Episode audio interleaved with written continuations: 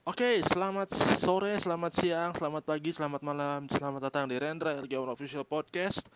Kemarin kita udah bahas tentang dampak hate speech di media sosial, tapi gue nggak nggak nggak sebut media sosialnya ya gitu kan ya. Tapi kali ini gue akan menjelaskan dampak positif dan negatif TikTok. TikTok itu ya kita tahu kan bahwa TikTok itu aplikasi yang lagi lagi sedang rame-ramenya bahkan sampai tahun 2022 ini gitu kan. Memang penggunanya memang banyak gitu kan. Tapi ada, ada tapi ya untuk sekadar iseng-iseng memang banyak memang juga banyak lah gitu kan ya. Untuk sekadar kayak misalkan uh, nge-review makanan, nge-review nge-review apa namanya nge-review make up, skincare segala macam kan gitu kan. Bikin tutorial-tutorial kayak gitu. Bahkan yang yang menginspiratif banyak gitu kan ya. Tapi kan orang kan tahunya kan TikTok itu kan juga joget kan ya. Bukan berarti bukan berarti uh, joget-joget itu kayak nggak banget itu kan di TikTok nggak. Jadi gue bukan berat bukan bukan menjelek-jelekan penggunaan pengguna TikTok tapi ya guna kita sebagai penggunanya tuh menggunakannya sebagai apa kalau untuk sebagai sarana edukasi sarana sarana ilmu pengetahuan ya itu ya itu sah sah aja gak apa apa gitu kan. Gue setuju gitu kan. Tapi memang tapi uh, tapi memang kalau digunakan untuk hal-hal yang negatif ya wassalam aja gitu kan. Ya wassalam jangan jangan diikuti yang salah gitu kan. Nah berikut uh, berikut gue bakalan ngebahas tentang apa nih namanya tam, tentang TikTok dampak positif dan negatif TikTok bagi pengguna. Nah, kalau apa namanya kalau sebelum kita masuk ke dampak keduanya, gue agak sedikit kaget itu kan ya, kok bisa gitu kan? Ada ajang penghargaan bagi insan pengguna TikTok gitu gue bingung gitu kan. Apa yang apa yang apa yang apa yang menjadi dasar untuk dibangun TikTok Award itu apa? Tambah viral. Be iya gue tahu tambah viral atau atau misalkan uh, bisa prestasi lo prestasinya bagus atau gimana gitu kan. Ya gue tahu gitu kan. Gue nggak bilang pengguna TikTok tuh goblok semua gitu kan. Enggak kalau kalau pengguna TikTok TikTok goblok semua nggak mungkin. Nggak nggak mungkin pengikut mereka bisa satu jutaan bisa ratusan ribu puluhan juta gitu kan dengan konten-konten yang menginspiratif. Nggak ada kalau gue ngomong ah pengguna TikTok mah semuanya goblok. Nggak ada. Nggak ada yang bisa sampai satu juta. Kalau kalau memang rata-rata goblok semua gitu kan. Tapi ternyata memang kebanyakan memang yang positifnya yang positifnya juga ada gitu kan ya.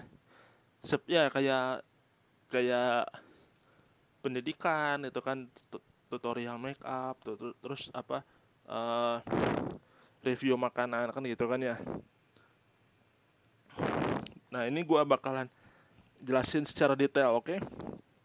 ini gue baca dari cahayailmu.com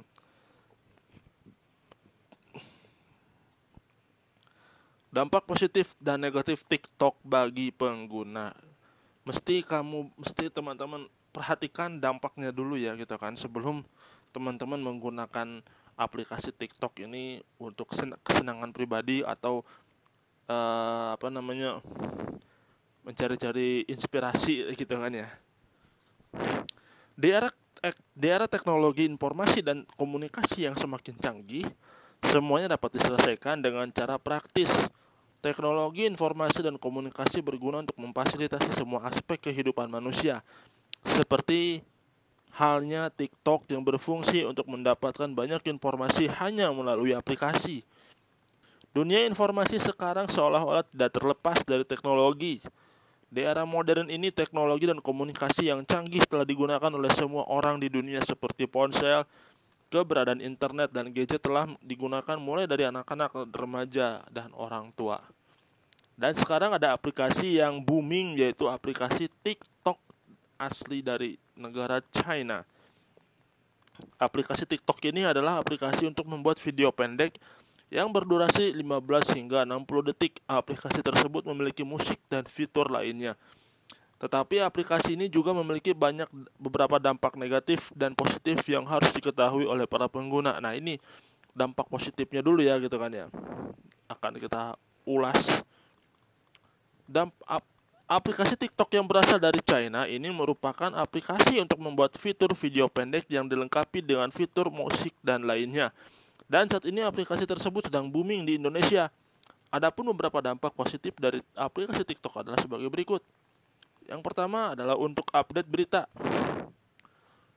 Di TikTok sendiri kita dapat melihat berbagai macam berita yang dapat disajikan semenarik mungkin, dapat berolahraga dan jogging dengan musik yang telah ada dan dapat memiliki teman di luar, dapat menjadi media pendidikan juga dan beberapa video yang bagus. Selain itu dari aplikasi TikTok juga kita dapat mempelajari cara mengedit video dengan bagus dan menarik. Ini kayak misalkan eh, video-video uh, yang yang rame ya yang viral gitu kan ya. Yang kayak kayak orang dikeroyok kan itu. Orang orang dikeroyok terus dikirim dikirimin. Terus dibu, dibuatkan jadi bahan-bahan berita gitu kan. Kalau memang niatnya bagus untuk update update berita sih gue bagus itu gue setuju gitu kan. Dua memperoleh pendidikan atau pengetahuan yang luas dengan menggunakan aplikasi TikTok, setiap orang dapat mempelajari banyak hal baru dari konten yang berasal dari video pendek dan teks yang disampaikan atau teks yang ditampilkan sehingga orang yang malas membaca teks panjang akan lebih tertarik mendengarkan video karena TikTok memiliki tampilan yang menarik dan unik. Oh kayak ya kayak infografis kan itu kan yang memperoleh kayak infografis tentang apa namanya tentang sejarah tentang uh, fakta-fakta unik gitu kan. Seperti akun seperti kereta api. Nah kereta api ini kan bikin video uh, video pengetahuan itu kan. Pengetahuan tentang tugasnya masinis apa sih gitu kan. Terus uh, fasilitas di kereta api Argo Parahyangan tuh apa terus tugasnya seorang juru langsir seperti apa dijelaskan tapi tapi di, tapi uh, simple detail dan singkat itu kan ya. Sarana tiga sarana berolahraga. Dengan adanya aplikasi ini tubuh menjadi banyak gerak karena aplikasi TikTok sebagian besar kontennya berupa olahraga dan jogging yaitu dengan iringan lagu dan musik. Hal ini membuat semua orang hanya di rumah selama periode pandemi menjadi rajin bergerak dan bisa menjadi hiburan mengatasi stres. Jadi kebanyakan kebanyakan orang tuh kan main TikTok tuh kan kebanyakan ya olah, olahraga kan itu kan ya kayak push up, kayak sit up, dumbbell kan itu kan ya. Oke. Okay. Pengembangan inovasi, pengetahuan dan keterampilan dalam membuat konten yang menarik, keahlian, kreativitas dan inovasi diperlukan dengan mempelajari dan mengembangkan keterampilan Hal ini dapat meningkatkan berbagai keterampilan dan inovasi. Pasalnya melalui aplikasi TikTok, orang mulai nyaman menunjukkan bakat atau kemampuan yang dituangkan dalam konten TikTok. Wow. Jadi memang pengguna itu uh, punya inovasi yang unik beda dengan beda dari yang lain gitu kan ya. Jadi kayak misalkan uh, bikin konten itu tidak hanya satu satu konten uh, tapi harus ada perkembangan perkembangan. Kayak misalkan ya yang lagi booming booming itu kan tutorial skincare kan gitu kan. Nah tutorial skincare itu kan berarti ada ada pengembangan ada pengembangan si penggunanya terhadap terhadap konten yang dijalankannya terutama di TikTok gitu kan kak. Karena kan konten uh, tutorial skincare ini kan bukan cuma di TikTok aja di YouTube juga banyak kan gitu kan ya.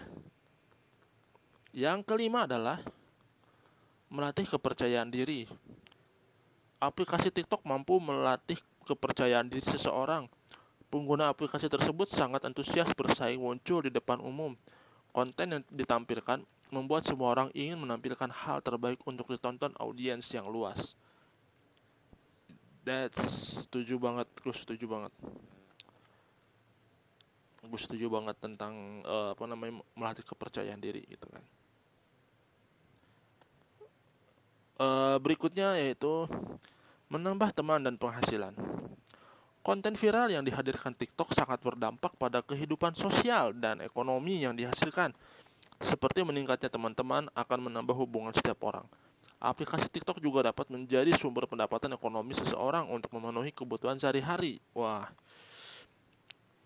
udah viral, tapi viralnya ini kita nggak tahu kan gitu kan apakah viralnya mengarah ke yang konten-konten positif tapi memang kalau misalkan konten-konten positif juga ada yang viral gitu kan. Jadi maksudnya viral viral karena oh iya ini di video ini ngejelasin tentang apa namanya ngejelasin tentang uh, tutorial makeup scarlet whitening gitu kan. Terus di terus dijelasin cara makainya apa aja gitu kan. Terus macam-macamnya kayak gimana. Nah terus atau kayak misalkan tutorial um, apa namanya tutorial tutorial bikin nasi goreng. Bikin nasi goreng di, di TikTok. Rame yang rame kan yang komen itu kan rame yang komen. Terus kalau misalkan infografis infografisnya berupa apa? Misalkan infografis di TikTok misalkan infografis uh, kereta api misalkan. Misalkan misalkan uh, infografis stasiun Bandung stasiun Bandung dibangun tahun sekian sekian sekian dan diarsiteki oleh arsitek Belanda. Nah, sekarang stasiun Bandung dilengkapi dengan fasilitas Skybridge. Gini gini, gini detail tapi detail tapi informatif. Sampai sampai uh, sampai si penggunanya merasa wah nih impress banget nih ngeliat stasiun Bandung kayak begini gitu kan. Sampai sampai si pengguna TikTok yang kebetulan pengen naik kereta api tuh rasa bahwa guys guys guys lihat nih stasiun Bandung dulu stasiun Bandung sekarang fasilitasnya bagus banget itu kan. Ada tempat makan ada tempat ada tempat charging ada segala macam bla bla bla. Di detail. Sampai sedetail detailnya sampai cuma cuma niat untuk apa mereview stasiun Bandung dari lewat TikTok gitu kan. Sampai sampai kesan apa sampai ada kesan kesannya gitu kan di penilaiannya gitu kan. Fasilitas fasilitasnya apa aja gitu kan atau kalau misalkan mau nge-review kereta apinya gitu kan. Hari ini aku mau contoh ya gue bikin. Hari ini aku akan aku akan pergi ke Jogja menggunakan kereta api Lodaya. Kereta api yang berangkat dari Bandung jam 7.50 kereta api ini menggunakan kelas eksekutif dan ekonomi premium. Tempatnya nyaman luas. Fasilitasnya apa aja sih? Fasilitasnya ada wifi ada kereta makan ada, ada bantal ada selimut itu kan ya Oh iya kalau misalkan harga tiketnya tuh harganya murah banget. Sekarang tuh KAI lagi ada promo 60 ribu eksekutif full sampai solo balapan untuk nah ini kepanjangan ya. kalau teman-teman punya ide kayak gitu kata-kata katanya kayak gua aja gitu kan cuman lebih simpel aja gitu kan soalnya soalnya kan kalau kata-kata gua ag agak ribet ya belibet gitu kan kalau contoh contoh berikutnya gini guys guys guys guys ada makanan enak di Bandung.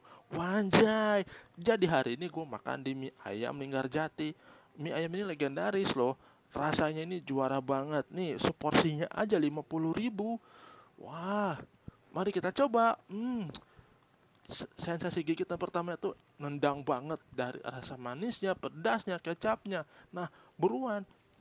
Nah buruan Mumpung lagi di Bandung Cobain eh, mie ayam Linggar Jatinya. Tuh gue aja rada belibet sebetulnya ngomong ala ala ala, ala TikTok begini gitu kan jujur li gitu kan ya oke okay, um, kita istirahat beberapa menit untuk azan asyar dulu sebelum kita lanjut ke dampak negatif TikTok oke okay?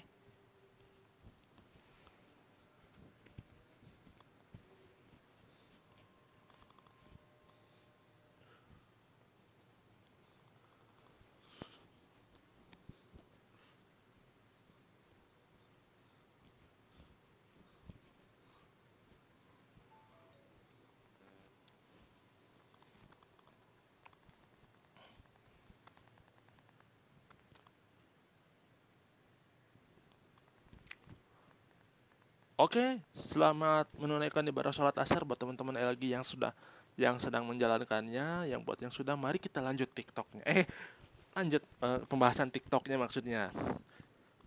Dampak negatif bermain TikTok.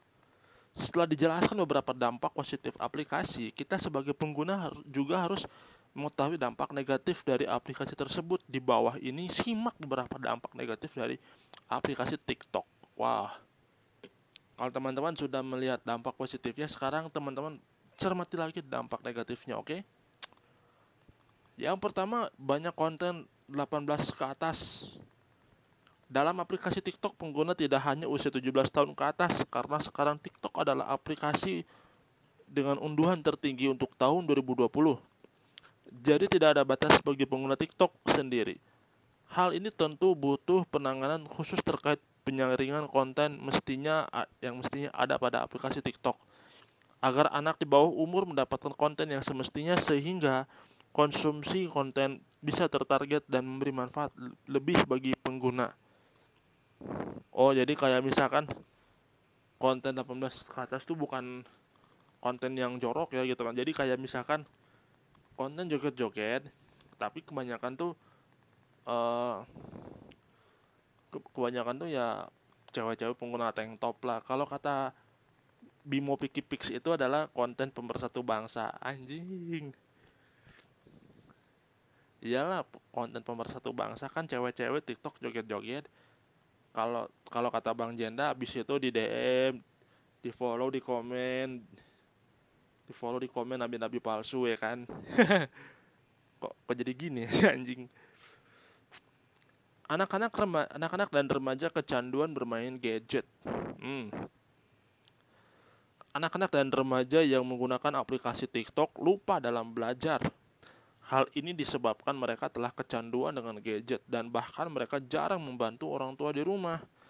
Mereka lebih cenderung tertutup dan jarang bersosialisasi. Oh shit. Oh shit. Oh shit. Ini yang harus diperhatikan buat teman-teman yang punya yang sudah berkeluarga, yang sudah punya anak. Tolong awasi anak-anak anak-anak dari teman-teman semua uh, tentang uh, penggunaan gadget gitu kan. Apalagi TikTok. TikTok ini kan digemari oleh semua kalangan gitu kan ya. Jadi tolong dijaga dijaga lagi anak-anaknya gitu. Dijaga agar supaya anak-anak ini bisa mengingat waktunya kapan harus belajar dan kapan harusnya bermain gitu kan dan harus aktif bersosialisasi di luar sana Tiga, terdapat video yang tidak pantas. Keberadaan video yang tidak pantas untuk ditampilkan untuk remaja dan anak-anak. Seperti yang kita ketahui sekarang ada individu yang tidak bertanggung jawab membuat video yang mengkhianati agama seperti menghina Nabi Muhammad SAW dan yang lainnya karena hanya karena mereka ingin menjadi terkenal atau viral. Anjing. Ini bukan cuma menghina Nabi Muhammad saja, menghina Bapak Presiden banyak. Apalagi menghina masjid sampai diri ek sama Irfan Hakim ada. Ada. Karena kebanyakan tuh ya ini kebanyakan karena pengen viral doang gitu kan. Yang contoh misalkan contoh uh, contoh contohnya adalah uh, ketika menghina presid, Pak Presiden Jokowi misalkan ada bikin TikTok foto uh, ini tahun kemarin ya gitu kan tahun kemarin bikin TikTok foto foto Pak Jokowi sama para menteri-menterinya dikata-katain keturunan Tenyom gitu kan.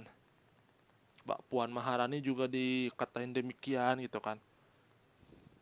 Itu yang gue inget. Uh,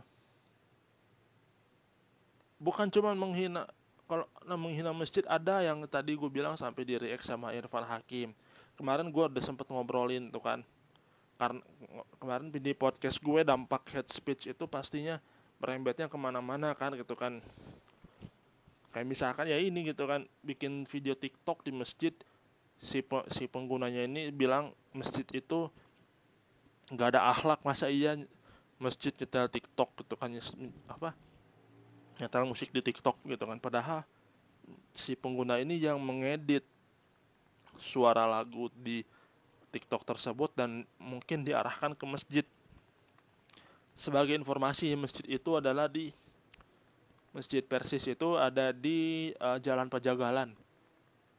De, di daerah uh, Pasir Koja. Astana Anyar Pasir Koja yang mau ke yang mau ke Jalan Astana Anyar. Anjir emang gue baru ngeh gitu kan ya terus um, karena ya itu gitu kan karena tujuannya adalah pengen viral tujuannya pengen viral aja. Gak ada yang gak ada yang konten-konten positif apa gitu kan. Sebetulnya memang bukan cuma itu doang. Banyak. Menghina menghina orang Sunda banyak. Dulu gue inget tuh. Dulu gue inget gue nonton video konten TikTok. Kenapa orang Jawa lebih sukses daripada orang Sunda? Ya orang Sunda marah dong. Ya orang ya orang Sunda marah dong sampai-sampai digeruduk loh si pengguna TikToknya gitu kan digeruduk sampai akhirnya minta maaf. Klasik emang anjir. Kalau udah viral minta maaf. Kalau mau kalau kalau mau naikin konten naik mau kalau mau viral jangan gini caranya kalau kata gua gitu kan. Bikin-bikin video yang gak pantas gitu kan. Lu mau bikin video tentang TikTok tentang penghinaan agama biar biar lu viral ya viral ya lu viral tapi viralnya dengan cara yang salah bukan cara yang benar gitu kan. Karena memang sekali lagi gue tidak menyalahkan TikToknya tapi menyalahkan penggunanya. Kalaupun misalkan penggunanya tetap uh, beranggapan bahwa gue pengen viral gue bikin video TikTok yang yang yang viral dan yang belum ada gitu kan. Ya yang belum adanya apa gitu kan. Jangan sampai ketika kita membuat video kon konten di TikTok itu malah bikin orang marah terpancing gitu kan. Kayak misalkan bikin ya paling sering kan banyak video-video penghinaan itu kan. Viral viral iya terkenal iya tapi jala, jala, caranya salah gitu kan ya. Yang keempat adalah membuat seseorang menjadi sindrom. Wah ini gua nggak tahu nih sindrom apa nih. Apalagi aplikasi ini juga dapat membuat seseorang menjadi sindrom TikTok. Ini dapat membahayakan diri mereka sendiri. Sindrom TikTok ini dapat membuat mereka memindahkan tubuh mereka sendiri tanpa menyadarinya. Oh, kayak kecanduan. Kecanduan, oke. Okay. Ya, nomor 5, rasa narsis makin meningkat. Aset penting dalam sebuah media sosial adalah like, share, dan komen. Seperti halnya aplikasi-aplikasi yang sudah terdahulu dan sekarang ini terjadi pada aplikasi TikTok. Tidak heran, remaja Indonesia bersedia melakukan banyak hal untuk mendapatkan like, komen yang fantastis. Oleh karena itu, banyak unggahan yang merusak moral anak-anak karena aplikasi TikTok tidak memilah video yang layak diunggah. Misalnya seseorang wanita yang menari dengan hal erotis yang berbau pornografi. Nah nih, kalau misalkan lo nonton lo nonton channelnya Piki Pix yang rata-rata anak anak-anak remajaan seumuran Bimo ya nggak masalah. Tapi kalau yang nontonnya anak-anak kan kacau. Ya iyalah. Pengaruh ke moral anak-anaknya gitu loh. Nonton nonton TikTok ya nontonnya anak-anak gitu kan. Nonton cewek telanjang gitu kan. Maksudnya telah nggak maksudnya telanjang doang gitu kan. Nggak nggak telanjang bulat banget itu kan. Pakai tank top tank top tipis kan itu kan. Kelihatan udolnya kan. Iya kalau mau nonton TikTok kayak gitu lo tonton aja Piki Pix Bimo Piki Pix kan banyak tuh selain konten cringe juga ada konten pemersatu bangsanya kan. Tapi yang nontonnya gue nggak tahu deh kalau yang nontonnya apakah apakah yang nontonnya anak-anak atau atau enggak gitu kan. Gue kalau gue kalau kalau gue kan itu kan di YouTube ya medianya kan ya. Nomor 6 merasa malu yang telah hilang Seseorang yang memiliki aplikasi TikTok video akan berlaku tidak punya malu dengan adanya TikTok. Seseorang akan bergoyang dan berjoget sesuai dengan keinginannya tanpa memikirkan pantas atau tidaknya. Gue lagi-lagi gue bukan tipe orang yang suka bikin video joget-joget di TikTok. Bukan berarti gini. Karena kan semua orang tuh kan punya rasa malu gitu kan pantas gak sih gue joget-joget begitu? Apalagi kalau misalkan lo joget-joget depan umum gitu kan. Bikin ketawa iya bikin ketawa orang orang banyak terus malu juga iya gitu kan. Nah sebetulnya kalau untuk rasa malu terhadap apa yang kita buat di konten itu ya kita juga ngerasa bahwa kita juga harus berpikir pantas gak sih kita bikin video kayak begitu? Pantas gak kita kita kita joget-joget depan orang? Kita kayak teriak-teriak di depan orang pakai TikTok gitu kan? Kan gue kan nonton tuh nonton videonya Bang Jenda. Mungkin kalau Bang Jenda bagi Bang Jenda mah kan lepas aja gitu kan biarin aja gitu kan. Orang dia yang bikin video kok orang dia buat lucu-lucuan tapi kan bagi kita yang bagi kita yang memang apa kurang suk kurang kurang suka pastinya ngerasa bahwa nih orang rasa malunya udah hilang banget itu kan. Dianggapnya orang gila kan gitu kan ya. Nah gitu kalau misalkan kalau misalkan teman-teman ngerasa ngapain sih gue ngapain sih ada ngap, ngapain sih gue malu-malu? gitu kan. Udah lepasin aja ekspresikan. Kalau ekspresikan apa yang kita punya kita joget aja biar nggak lemes kalau tujuannya bagus kayak misalkan gue setuju sama Gracia Poli tadi di TV kalau misalkan menghilangkan rasa tegang gue joget TikTok gitu kan biar biar mencair lah suasananya. Nah gitu teman-teman. Kalau misalkan kalau misalkan teman-teman dirasa udah siap main TikTok teman-teman harus baca dulu nih 6 6 dampak positif dan 6 dampak negatifnya. Biar teman-teman tahu bahwa TikTok itu bisa menjadi sarana hiburan selain untuk positifnya. Dan mungkin teman-teman juga bisa berpikir kalau video gue pantas harusnya gue upload ya gitu kan ya. Nah, nah itu dari gue. Oke. Terima kasih yang sudah mendengarkan Rendra Giawan Podcast. Dan jangan lupa untuk selalu selalu menjaga jarak. Kalau nggak ke mana-mana diam di rumah aja. Oke thanks for listening. Assalamualaikum warahmatullahi wabarakatuh